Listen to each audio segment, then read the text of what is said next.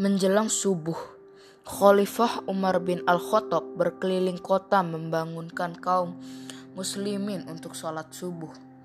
Ketika waktu sholat tiba, beliau sendiri yang mengatur saf dan mengimami para jamaah. Pada subuh itu, tragedi besar dalam sejarah terjadi. Saat khalifah mengucapkan takbiratul ihram, Tiba-tiba seorang lelaki bernama Abu Luwah menikamkan sebilah pisau ke bahu, pinggang, dan ke bawah pusar beliau. Darah pun menyebur.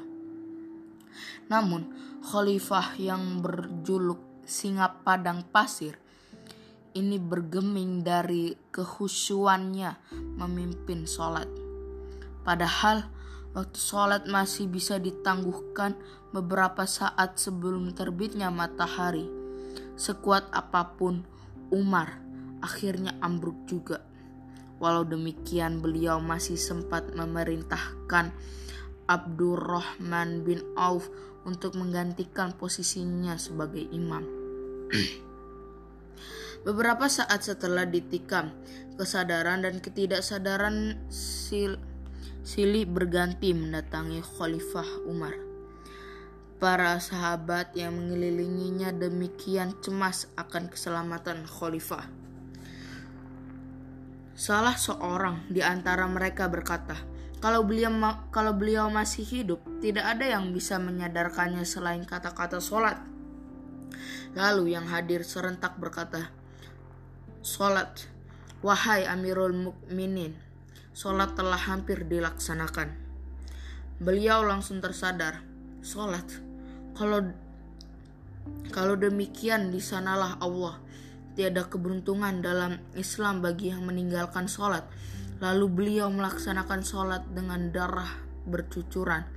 Tak lama kemudian, sahabat terbaik Rasul Rasulullah SAW ini pun wafat.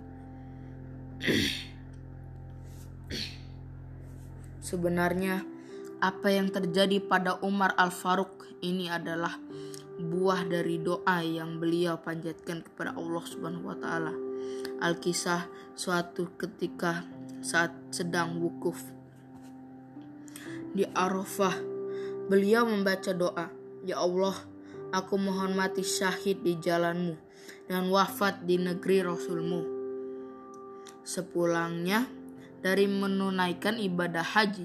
Umar pun menceritakan soal doanya itu kepada salah seorang sahabatnya di Madinah. Sahabat sahabat itu pun berkomentar, "Wahai khalifah, jika engkau berharap mati syahid, tidak mungkin di sini. Pergilah keluar untuk berjihad. Niscaya engkau bekal menemuinya." Dengan ringan, Umar menjawab, Aku telah mengajukannya kepada Allah. Terserah Allah. Keesokan harinya, saat Umar mengimami sholat subuh di masjid, seorang pengkhianat majusi bernama Abu Luluah, Lu'luah itu menghunuskan pisaunya ke tubuh Umar yang menyebabkan beliau mendapat tiga tusukan dalam dan tubuhnya pun roboh di samping mihrab.